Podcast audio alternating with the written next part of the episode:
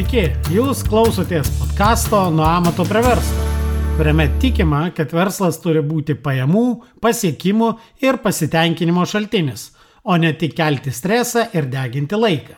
Su jumis aš, šios laidos autorius ir vedėjas, verslo konsultantas, treneris ir efektyvumo fanatas Nerius Esinavičius. Jūs klausotės 53-ojo tinklalaidės epizodo. Sveiki, gerbiami podkasto nuo amato prie verslo klausytojai. Šiandien mes pasikalbėsime su mano svečiu apie verslą, verslo statymą, verslo sisteminimą, dirbtinį intelektą ir apie daug įdomių dalykų, kurie dedasi galbūt labiau elektroniniai ir virtualioje erdvėje, bet ir fizinėje erdvėje su verslu. Ir šiandien pas mane svečiuose Audrius Lučiūnas, verslininkas, kurį galbūt jau galima vadinti ir serijiniu verslininku, kuris turi daugiau negu vieną verslą. Labas, Audriau. Labas. Gal tu galėtum iškart trumpai prisistatyti savo, nu, apie save ir savo verslus, nes iš tikrųjų tavo, taip sakant, ant tavo diržo, galima sakyti, kaba tikrai pakankamai žinomi brandai verslų. Nesu tikras dėl žinomumo, bet taip, klientų, klientų tie verslai turi, turi pakankamai daug.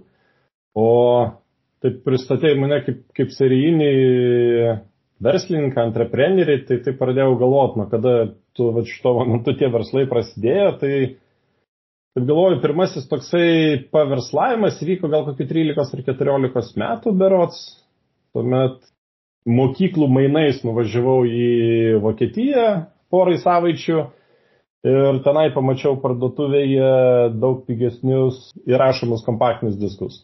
Na ir tuomet juos parsivežiau ir per skelbimus sėkmingai pardaviau. Tai buvo turbūt tas toksai pirmasis mini, mini paverslavimas, o rimčiau pradėjau užsiminėti verslu berots nuo 24 metų. Tai yra tuo metu dar būdami studentais įkūrėm įmonę, kuri dabar yra Paysera. Paysera kūrėm su visiškai kitokia idėja, bet rinka padiktavo savo sąlygas ir iš to tuomet kurto verslo gavosi verslas, kuris dabar žinomas kaip, kaip Paysera. Lygiai grečiai, lygiai grečiai to kūriau ir kitus verslus, berods 25 metų, kai buvau, tai startavau konsultacinę įmonę, kuri konsultavo e, informacinių technologijų saugumo klausimais, tai tuomet dirbau toks kaip konsultantas ir labai keistai įmonėms atrodydavo, kai ateidavau 25 metų konsultantas į kokį nors banką ar mažiekių naftą ir pardavinėdavau savo, savo paslaugas. Bet Mano tos paslaugos buvo specifinės. Aš iš tiesų ateidavau į įmonę ir ieškodavau būdų, kaip ją įsilaužti, kaip apeiti jų IT saugumą. Tai tas rytis buvo pakankamai nauja ir ten visi specialistai buvo jauni ir ne visi buvo konsultantas. Kai kurie tuo metu iš tiesų dar mažai kontroliuojamam internete darė ir visokius juodus darbelius, nelegalius.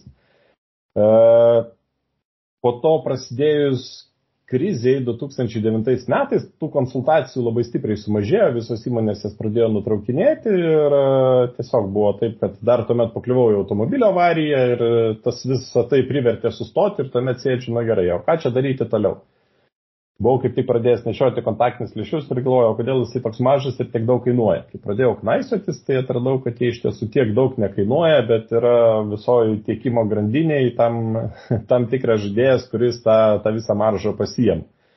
Tai tuomet paleidau elektroninę kontaktinių lėšių parduotuvę, kuri veikia ir šiandien ir veikia ne vienoje šalyje, tai yra geri lėšiai LT. E, po to sekė fizinės optikos parduotuvės prekybai akiniais, sekė optikos e, didmena, buvo bandymas prekiauti kosmetiką ir kvepalais internetu, bet irgi tuomet susidūriau su, su tuo, kad e, vietiniai tiekėjai iš esmės buvo susiję su mažmenos parduotuvėmis ir vos tik tai ateidavai pas tokius tiekėjus sakydamas, kad nori prekiauti internetu, tai jie iš karto gindami savo teritoriją sakydavo, ne, mes su jumis nedirbsime. Tai man tuo metu pavyko tą tai visą tai apeiti, susirasti tikėjus e, iš kitų šalių, bet ten buvo pakankamai ilgas tikimo laikas ir e, tuo metu, vat, norint prekiauti kosmetiką ir kvepalais, reikėjo maždaug vienį sandėlį įdėti apie pusę milijono litų. Tai buvo pakankamai didelė, didelė suma tuo metu.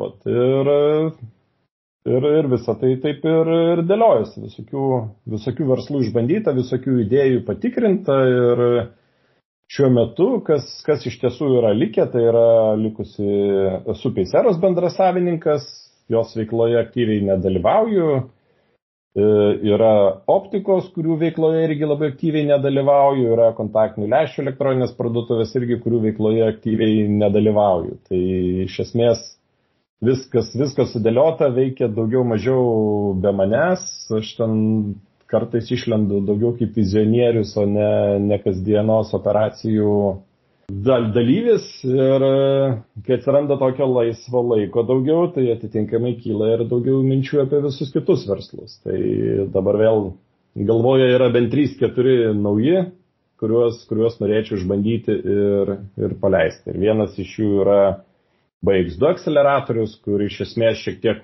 ūktelėjusios įmonės ūktelėjusioms įmonėms padedam skailinti arba išaukti, taip, taip sakant.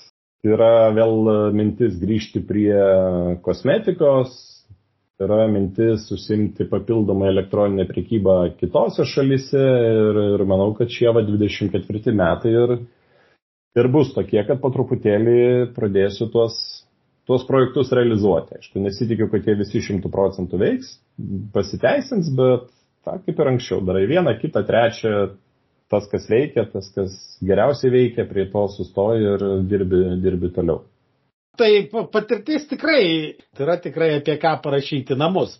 Bet vat mano iškart klausimas, o kaip pavyko, nes kiek man tenka susiturt su verslininkais, kurie pradėjo verslą, pastatė ypač dar, sakykime, netaip lengvai, sunkiai, kur daug, daug reikėjo dėti pastangų ir tada įvyksta tas suaugimas su tuo verslu ir labai sunku atsisakyti ir atsitraukti nuo tos kasdieninės veiklos, nuo to kasdieninio įsitraukimo. Kaip pačiam pavyko, nu, va, nuspręs, kad tokiai, aš nedalyvausiu tame, nu, kasdieniniai veikloj, nes, nu, taigi, niekas taip gerai nežino, kaip ten tą verslą daryti, negu pats tas verslo įkūrėjas, verslininkas tai tam labai sėkmingai padėjo perdegimas. Mhm.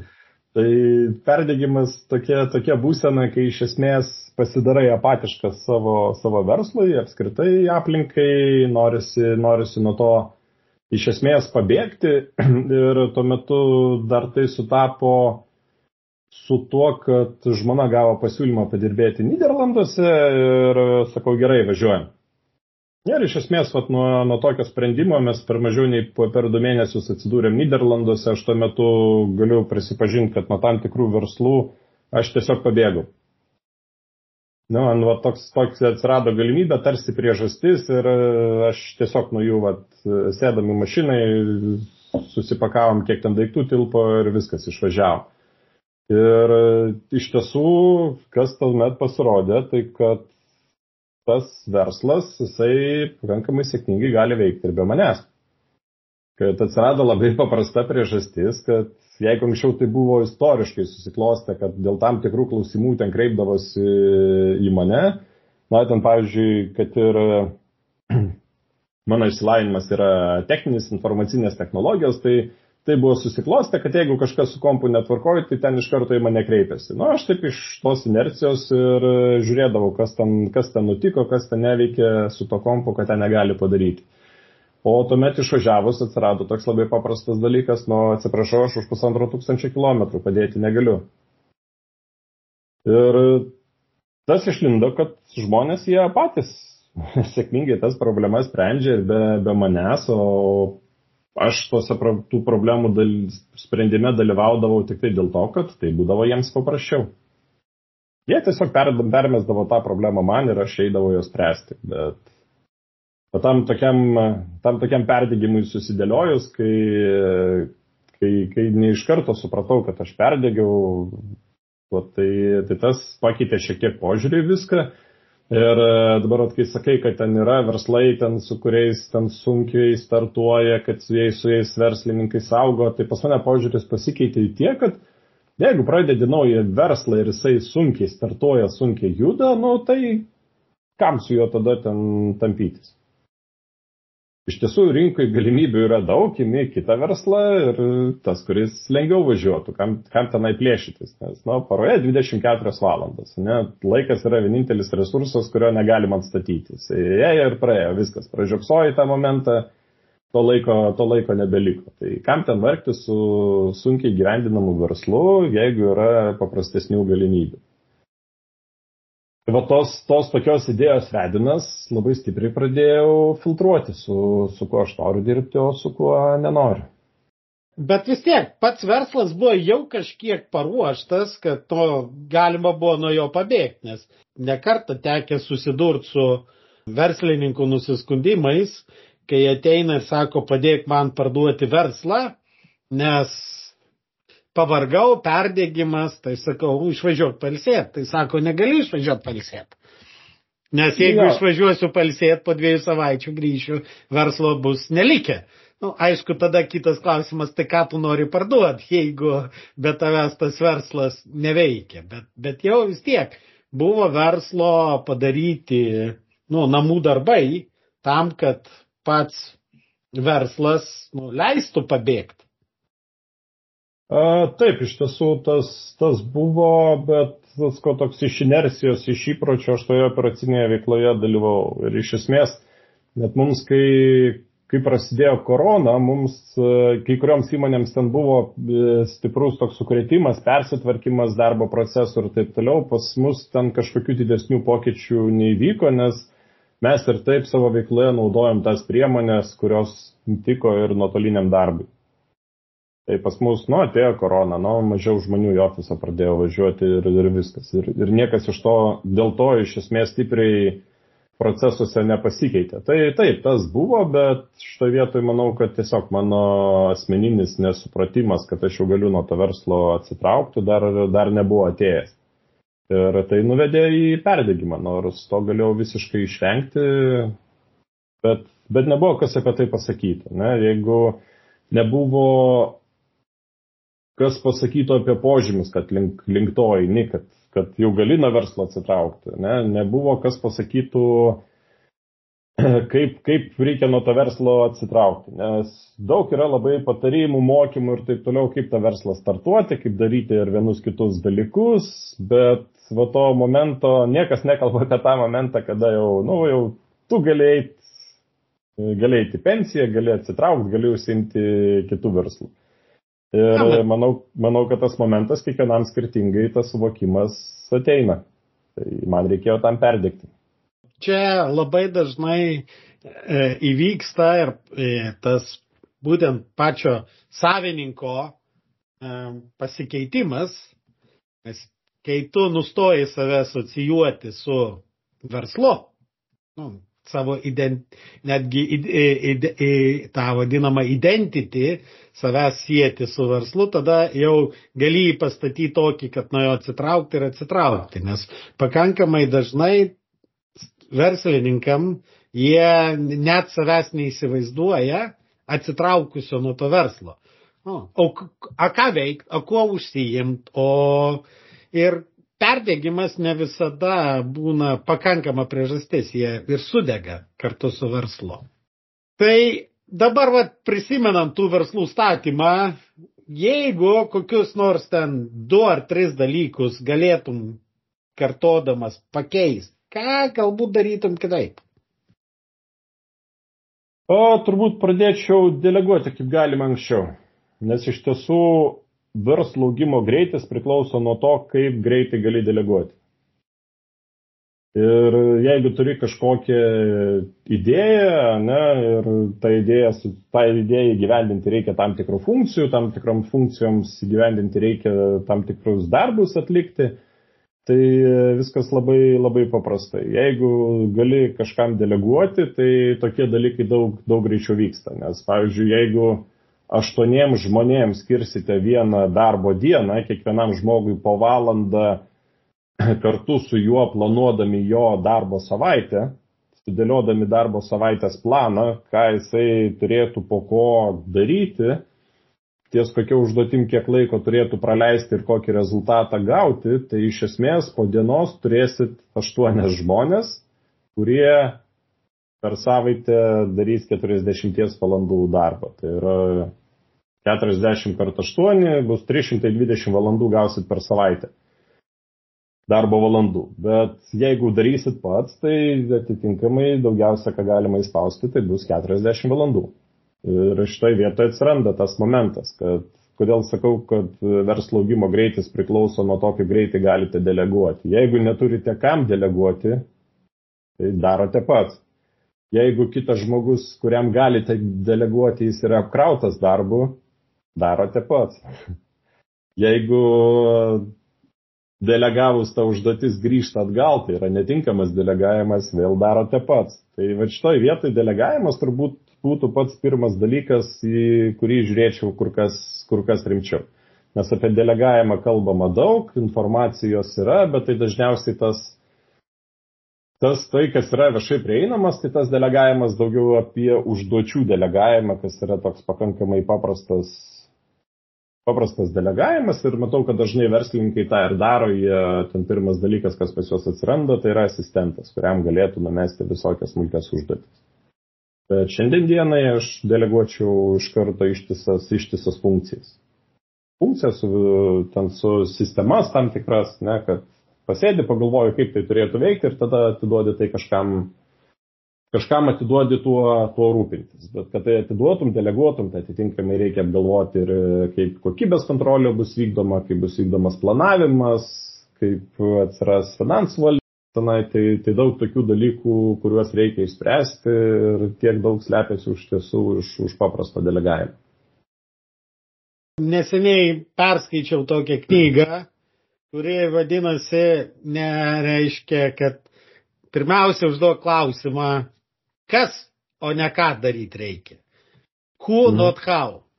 Ir ten kalbam apie tai, kad net visa mūsų švietimo sistema, ne tik Lietuvos, bet ir apskritai įprasta vakarietiška švietimo sistema, bet kokiu atveju baudžia žmonės, kurie iš esmės sugalvoja deleguoti darbus. Nes jeigu tu namų darbą mokykloje ar netgi universitete delegavai kažkam atlikti, nu tai tu blogas. Taip?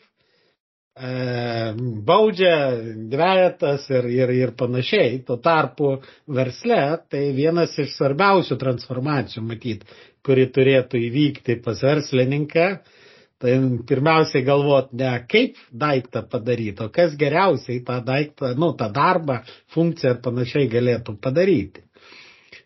O kitas dalykas, vėlgi, jeigu šnekam apie tą delegavimą, tai, nu, labai svarbu turėti perteklinius pajėgumus, kad galėtum kažkam papildomai deleguoti, nes jeigu žmogus jau ir taip užkrautas, tai kad tu jam paskirsi papildomą užduotį, tai nereiškia, kad, nu, ar visa funkcija nereiškia, kad jinai vyks.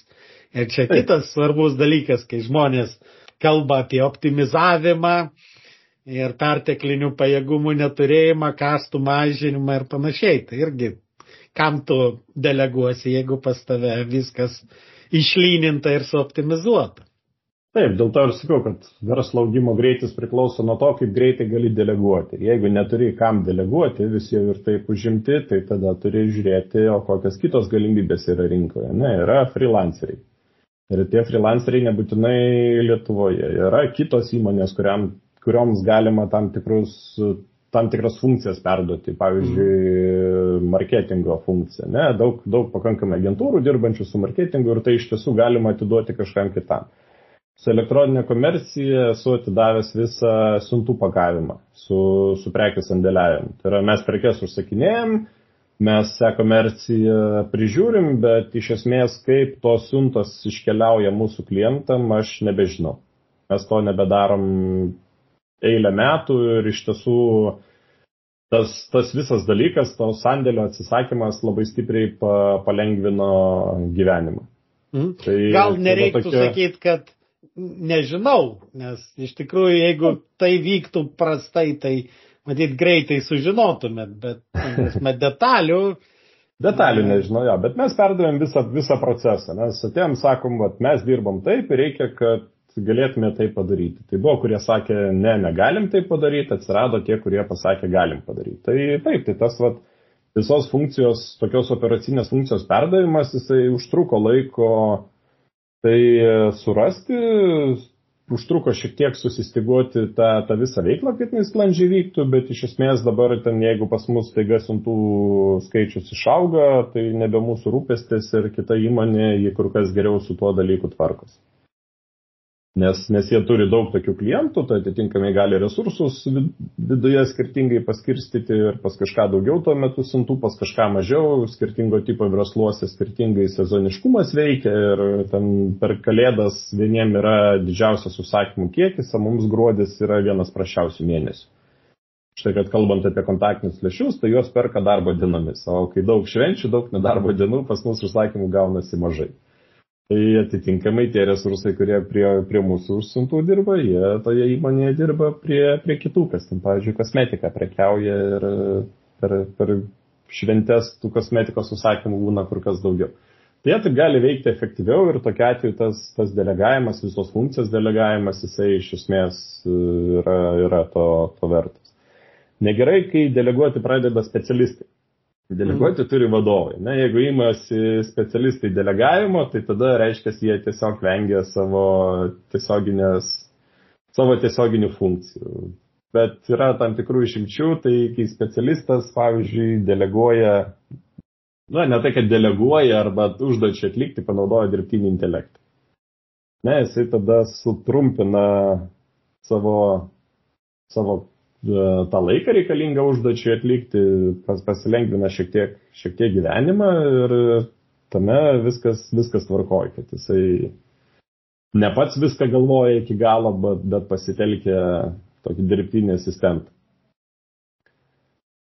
O tai e, tas dirbtinio asistento pasitelkimas, bet klausimas, ar tai yra ar darbuotojas turėtų pasisakyti, kad jis tą naudoja, ar čia jisai turėtų slėpti, kaip, kaip pačio nuomonė apskritai. E, per, per vieną e, iš webinarų, kuriame teko kart, kartu šnekėti, mums taip pat ir įvardinai, kad dirbtinis intelektas yra gerai, bet vis tiek didžiausią naudą versle duoda verslo tas standartizavimas ir procesų susitvarkymas, o dirbtinis intelektas tiesiog tik tai kaip papildomas vienas iš įrankių. Taip, šiandien dienai dirbtinis intelektas iš tiesų yra asistentas, leidžiantis atlikti funkcijas greičiau.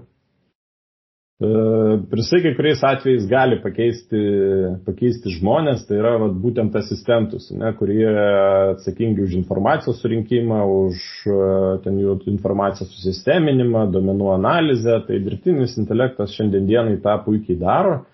Ir dažnu atveju, jeigu ten kaip pavyzdys, vienam žmogui reikėjo vieno asistento, tai dabar gali būti, kad penkiems žmonėms reikia vieno asistento. Nes tas asistentas iš tų penkių gauna konkrečius tokius darbus ir jisai dirbtinio intelekto pagalba juos atlieka kur kas, kur kas greičiau.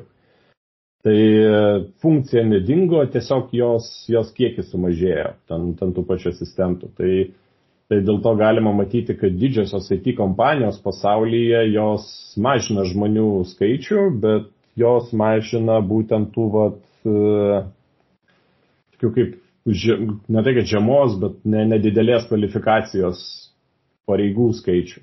Daugiau labiau techninio veiksmo darbuotojų taip, taip, skaičių. Taip. Tas dirbtinis intelektas tai taip skamba, skamba patraukliai, labai įdomiai, bet iš tiesų jisai nėra toks, toks protingas nes nesugalvoja naujų dalykų, jisai yra apmokintas iš esamų domenų ir gavęs užklausą jisai atsakymą pateikė iš tų pačių esamų domenų, kuriuos jisai yra išsianalizavęs. Kartais jisai tos duomenys sujungia, tai įdomiai ir neįprastai ir kartais tai atrodo kaip visiška nesąmonė, o kartais tai atrodo kaip, kaip nauja idėja. Bet dirbtinis intelektas jisai dar nemoka kurti. Jisai iš esmės toksai vat, matematinis modelis, kuris labai sėkmingai atkartoja tai, apie ką jisai jau žino. Tai taip žiūrint primityviai, tai vis Google'as taip taip gali veikti, ne? jeigu yra kažkokia informacija, aš kalbu apie tą didžiosius kalbos modelius. Tai taip, taip, taip. Jeigu parašom Google'ui užklausą ir jisai pateikė krūvą atsakymų iš interneto, tai mums reikia eiti žiūrėti per tos puslapius, ieškoti, kur ten iš tiesų ta informacija yra, tarp, tarp jos atsirinkti, kas mums aktualu, kas ne. Tai vat tie didieji kalbos modeliai, jie labai sėkmingai šitą žingsnį pašalina. Jam rašai užklausą, dėl to toksai svarbus yra užklausų rašymas, nes priklausomai nuo to, kaip tą užklausą parašysi, gausi skirtingai pateikiamą atsakymą. Ir net tą pačią užklausą pateikdama skirtingų metų gali gauti šiek tiek skirtingą atsakymą, nes e, tie, va, tie visi matematiniai modeliai dirbtinio intelekto, jie šiek tiek kitaip suveikia. O tai jisai, tai jisai yra geras šiandien dienai, yra geras asistentas, kurio rezultatą, rezultato kokybę dar reikia patikrinti. Taip pat, jau kadangi pradėjom kalbėti apie tą dirbtinį intelektą, tai pats tikrai, žinau, daug žaidėjai eksperimentuoji, bandaisi šitą dirbtinį intelektą, nu, įvairiausius įrankius. O kas nors, kad, kad aktyviau tai naudoti ir kad jau vat naudoju ir tai man duoda finansinę naudą versle. Ar jau galima tą pasakyti, ar vis dar tai yra tokio laukinio eksperimentavimo, sakant, kai tik atsirado internetas, nu, ir mes dar beveik niekas nelabai žinojom, ka, kas tas internetas ir su kuo įvalgyti ir visi eksperimentuodavom. Tai vat pačio dabar Taip, jeigu, požiūris ar, ar, ar įvertinimas to dirbtinio intelekto? Jeigu taip žiūrėti, tai tie didėjai kalbos modeliai, jie atsirado šiek tiek daugiau nei prieš metus. Tai yra pernai metų, užpernai dabar jau taip. metų lapkričio, lapkričio pabaigoje. Tai man tuomet, kai jie atsirado, buvo įdomu paeksperimentuoti, pažiūrėti ir tada tuomet žandikaulis šiek tiek atvyko, kaip visą tai veikia. E, bet šiandien dienai konkrečiai Mano įmonėse tai naudoja programuotojai tam tikrus sprendimus, kurie padeda rašant kodą, siūlo galimus jo pabaigimo variantus. Mhm. Ten užtenka 3-4 raidės parašyti ir dirbtinis intelektas iš viso parašyto programinio kodo, tai koks kodas yra prieš tai, toks koks kodas yra po to, iš karto nuspėja maždaug, ką tu čia nori parašyti. Ir dažnu atveju iš antro, iš trečio bandymo nuspėja tinkamai, tai yra užtenka tą mygtuką paspausti 2-3 kartus ir gauni 10 eilučių kodą iš karto. Tai jisai šitoje vietoj spartina tą visą darbą, tai čia galima sakyti, kad leidžia per tą patį laiką atlikti daugiau. Ar tai galima sakyti, kad tai yra finansų taupimas? Na, nu, programuoto atlyginimas dėl to nesumažėja. Tiesiog, Bet gal, gal kažką padaro. greičiau pateikti. Gal kažką padaro greičiau, gal gali daugiau eksperimentų pasidaryti nu, su tais pačiais kaštais. Nes vis tiek, kai mes kalbam apie IT technologijas ir vat, visokius ten IT įrankius ir, ir puslapyje kažkokį naują funkcionalumą ar internetiniai parduotuviai, tai vis tiek tai yra daugeliu atveju vienokios ar, vienokie ar kitokie eksperimentai, nes Nes tai galbūt leidžia paeksperimentuoti. O ką dar vat, pats esi jau išnaud, išbandęs iš tų dirbtinio intelekto technologijų ir manai, kad galbūt kada nors ar kur nors tai galėtų duoti naudą su, verslui. Su klientų aptarnavimu dabar esam pasiruošę, bet dar nepaleidę tokio, tokio dalyko, tai yra ne Lietuvoje, kitose šalise, kad uh, pasidarėm tokį sprendimą, kad gaunam užklausą, mm, pavyzdžiui, elektroniniu paštu, tai dirbtinis intelektas ją įsinagrinėja, parašo, tai, pavyzdžiui, Lenkijoje, ne, gaunam už, mhm. užklausą lenkų kalba, tai dirbtinis intelektas ją tą užklausą perskaito ir tuomet parašo atsakymą ir lietuviškai, ir lenkiškai. Tuomet e, kliento aptarnavimo specialistui užtenka lietuviai peržiūrėti akimis, apie koks, koks buvo klausimas, apie ką, koks atsakymas pateiktas ir tiesiog patvirtinti, kad gerai siunčiam. Bet tokiu atveju apačioje dedam prierašą, kad atsakymas pateiktas su panaudojant IT sprendimus ir dėl to ten gali būti tam tikrų kalbos netikslumų, prašom už tai nepykti ir iš esmės mes tokį dalyką prieš paleisdami dirbtinį intelektą, mes tai bandėm tiesiog su paprasčiausiu Google Translate. Kai gaudavom užklausą, įsiverčiam, parašom lietuviškai, įsiverčiam ir su to prierašu siunčiam atgal klientui, kad pažiūrėti, ar bus kokiu nors reakcijų. Tai nebuvo jokių reakcijų absoliučiai. Tas prierašas tiesiog vat, tokį pateikė paaiškinimą, kodėl ten yra, gali būti kažkokie kalbos netitikimai, bet žmogus gauna informaciją tos, kurios jam reikėjo ir jam iš esmės ne, nėra taip svarbu, kas tai iš tiesų rašė, ar žmogus tikras, ar, ar mašina. Tai šitą dalyką esam pasiruošę, su Lenkija įsibandėm, bet pasileisim ir kitose šalise, tai tiesiog planuojam atsisakyti išorinės įmonės paslaugų, kuri šiuo metu daro tą kliento aptarnavimą ir tai vykdyti su savo vidiniais resursais. Tai yra nebelieka, iš esmės, trinam kalbos barjerą. Ką dar esam išsibandę, tai esam išsibandę klientų atsiliepimų analizę arba, arba čia peiseroje eksperimentavom, mhm. kai ėmėm pokalbį telefonu ir tiesiog jį davėm dirbtiniam intelektui, kad jisai atpažintų uh, visą tą pokalbį transliuotų į tekstą, tuomet tą tekstą jis analizuotų ir pateiktų labai trumpą atsakymą, ar klientas gavo norimą atsakymą ar ne. Ir ar jis liko patenkintas aptarnavimu ar ne. Tai 20 minučių pokalbį taip užtrunka apdoroti maždaug 20 sekundžių ir nereikia jo perklausinėti, nereikia kažkaip daryti savo suvestinės kažkokios pokalbio, dirbtinis intelektas tą sėkmingai padaro ir, padaro ir pabaigoje parodo tokį trumpą atsakymą, kad pokalbis buvo apie tai, klientas atsakymą gavo ir ten liko patenkintas. Ir tai jau veikia ir lietuvių kalba.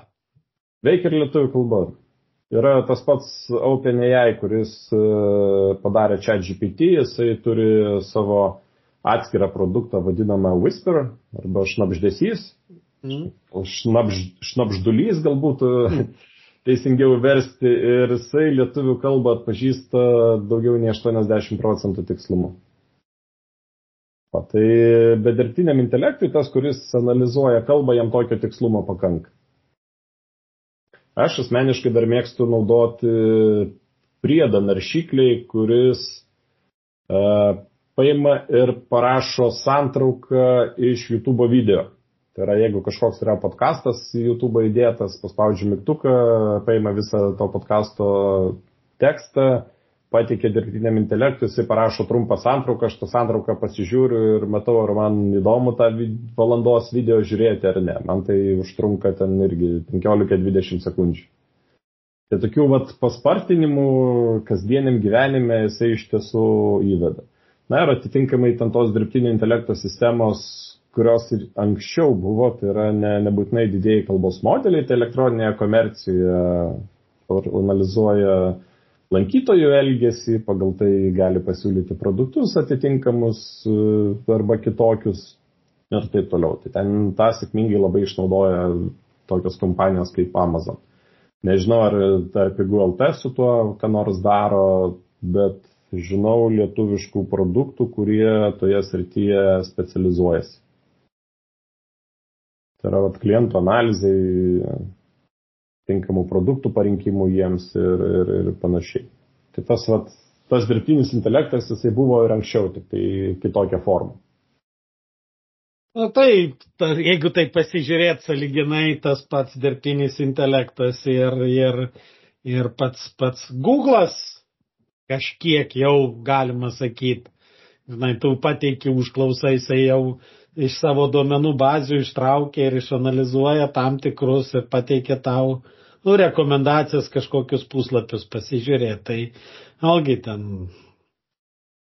saliginai pačios technologijos jau kažkokios užuomasgos buvo, buvo daug anksčiau ir matyt reikės irgi kažkokio ale karantino ar, ar kito COVID, kad tai taptų reikšmingai naudojamu, nes visi čia stebisi, kaip čia me, pasaulis perėjo prie to nuotolinio darbo, kai atsirado karantinas, bet nu, jeigu taip pasižiūrėti, iš tikrųjų, visos tos technologijos buvo jau iki, iki COVID. -o.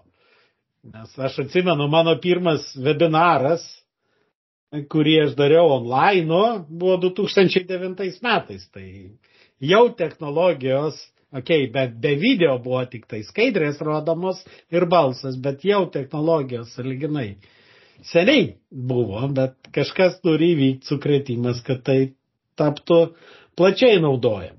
Ja, tai va ta, ta dalį, kur dar klausimus, klausai dėl procesų, tai iš esmės yra toksai dvi pusės iš tiesų yra. Kadangi dirbtinis intelektas jisai paspartins arba leis tam tikrus darbus atlikti greičiau, tai tai keis įmonių procesus. Bet tai keis procesą. Tai nebus taip, kad e, tą procesą už jų sukurs už jūs kaip verslininką. Ne? Vis tiek turėsi kaip e, verslo startavęs ateiti, sudėlioti visą verslo veikimo logiką, iš to padaryti procesą ir tuomet toje vietoje žiūrėti, kur galima panaudoti dirbtinį intelektą ir pagal tai tą procesą pagerinti.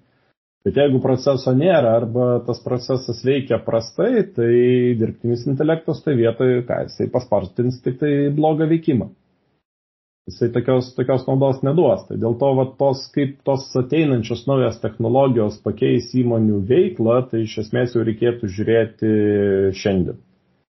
Ir pradėti analizuoti, nes jeigu įmonė didesnė, tai tas procesų pakeitimas gali, gali užtrukti ir būti pakankamai sudėtingas.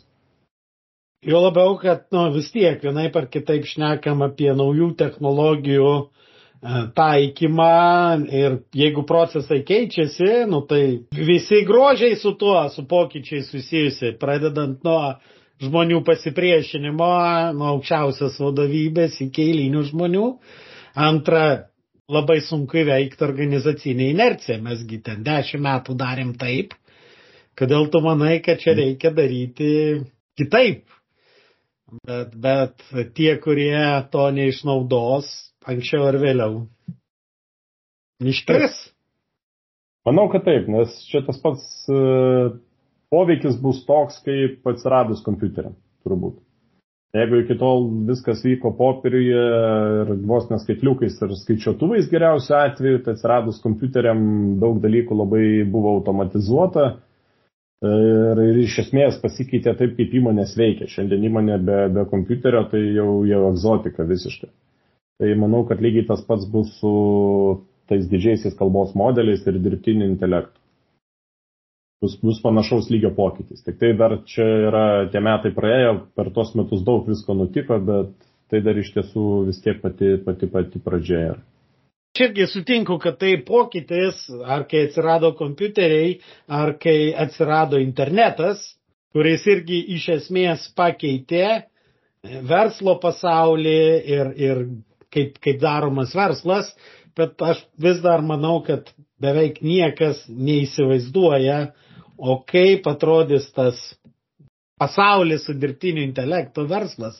Gal net nešnekėkime apie pasaulį, bet verslas su dirbtiniu intelektu po, po trijų metų. Nes e, tie visi pasižaidimai, kad tokiai okay, užrašiau paklausiau pat čia GPT ir jisai man parašė kažkokį gudresnį postą LinkedIn ar Facebook'e, ar ten midjourney nupiešė paveiksliuką pačiam piešti nereikėjo. Ok, tai labai smagu, gražu, bet ar tai pakeis tokios kompanijos, nu kaip tai keičia tokios kompanijos kaip, ne, nežinau, ten, paimkim kokią nors didelį koncerną, e, Walmarto ar, ar, ar kito verslo strateginį gyvavimą, matyt, čia dar, dar anksti apie tai kalbėti. Nors aš manau, kad tokios kompanijos jau tikrai daug dėmesio skiria ir skaičiuoja ir žiūri, kaip tas dirbtinis intelektas pakeis jų verslus. O šiandien dieną aš manau, kad dirbtinis intelektas yra tai, kas turbūt padės įmonėms sutaupyti, bet kas nepadės, tai dar nepadės sukurti sukurti verslą. Kad kuriejas vis dar vis tiek liks, liks žmogus. Bet tai, ką sukūrė, kaip efektyviau įgyvendinti, tai dirbtinis intelektas jisai toje vietoje, toje vietoje savo vaidmenį atliks. Dėl to manau, kad ten ar po trijų, ar po penkių metų tai įmonių planavimas, veiklos organizavimas, jisai iš esmės išliks panašus, tik tai padidės turbūt greitis. Tai jeigu dabar yra pojūtis, kad rinkoje nespėjate, tai po trijų metų tas pojūtis turbūt tik tai sustiprės. Bus, Taip. bus greitesni įmonių išaugimai, greitesni bankrotai, greitesni veiklos persitvarkymai, greitesni pirkimai ir, ir to vat laiko sėdėti, galvoti, liks vis turbūt mažiau ir, ir mažiau. Ir, A, aš irgi sutinku, kad esminis dėmesys tie, kurie jau pradeda naudot dirbtinį intelektą arba į jį žiūrinėtis versle, turėtų, esminis dėmesys turėtų būti ne į sutaupimus. Taip, sutaupimai yra svarbu, bet didžiausias dėmesys turėtų būti tai, kaip išnaudoti šitą savo pokyčių verslo eksperimentų ar dar kažko spartinimui.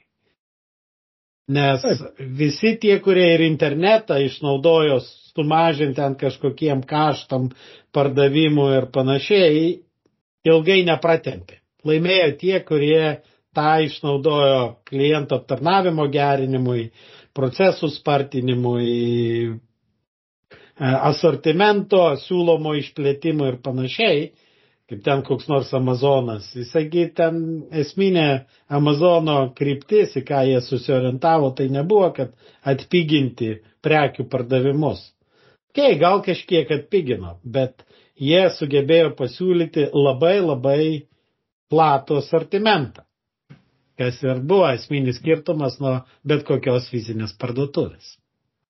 Taip, manau, kad kaip ir Amazono atveju, kai įmonė išnaudoja naują technologiją, naują verslo sukūrimui, tai atsiras ir su dirbtinio intelekto, su dirbtiniu intelektu taip pat, kad atsiras nauji verslai, kurių veiklos pagrindas bus dirbtinis intelektas. Bet na, tas pats Amazonas, jie savo veiklą vis tiek planuoja. Darbą viduje organizuoja, procesus kūrė, sistemas kūrė. Nesvarbu, kad tai daro kitokių, kad įgyvendina tai kitokių principų nei kitos įmonės, bet e, šitie dalykai jie nesikeičia, nežinau, eilę, eilę metų ir ten paėmus operacinės veiklos kokios nors tos regular management vadinama, ten vadovėlį, ten parašyta dar kokio nors Peterio Druckerio, kuris Intel, Inteliui vadovavo ir tas savo knygas rašė 80 kažkelintais metais. Kai jas skaitai, tai yra vis dar aktualu šiandien dienai tie patys dalykai.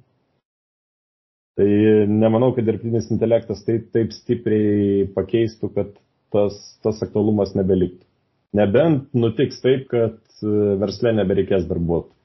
Kol yra žmonės, kol yra žmonės, principai, kaip dirbti su žmonėmis, jie iš esmės nesikeis. Nes yra emocijos, yra lygos, yra nedarbingumai visokie. Tai šiandien dienai, mano požiūrį, dirbtinis intelektas yra asistentas, kuris neserga, kuris visada pasiruošęs ir daro tai, ką reikia, kaip, kaip jisai moka greičiausiai. Nes su žmonėmis ne visada taip gaunasi, dėl to, dėl to ten reikia vadovautis kitais principais. Na, Jeffo Bezoso nurodymu, Amazono kurie ir vadovo, visiems vadovom, Amazono vadovom privaloma perskaityti, kai pradeda dirbti Amazon ir jeigu dar buvo, buvo neskaitę, privaloma perskaityti Goldrato knygą Tikslas. Tai, tai irgi parodo, kad procesai pas juos yra ir tas spartinimas yra labai aktualu. Ir tai išlieka. Gerai, kadangi mus vis tiek įpareigoja šiek tiek formatas ir trukmė, tai gal pabandykime apibendrinti. Vat mano klausimas pačiam, vat kokią svarbiausią mintį norėtum, kad klausytojai iš mūsų vat, šito pasikalbėjimo išsineštų? Uh, Tai persiskaitykit knygą, kurią minėjo Nerius Not How But Who, ne kaip, o kas. Na, tai, tai yra paprasta knyga, parašyta amerikietiškų stilium su ten vos keliom mintim, bet jos ištemtos per daug puslapių, pagrindžiančių tos minties teisingumą. Tai kad pradėtumėt žiūrėti šiek tiek kitaip į verslą, kad jūs tikrai ne vienintelis esantis galintis tą verslą daryti, nes kažkaip be jūsų atsiranda konkurentai, kažkaip be jūsų pastatytas Vilnius televizijos bokštas, kažkaip be jūsų atsirado akropoliai. Tai pradėkite daugiau galvoti apie delegavimą ir išmokite deleguoti teisingai. Kitas dalykas, kreipkite daugiau dėmesio į procesus versluose.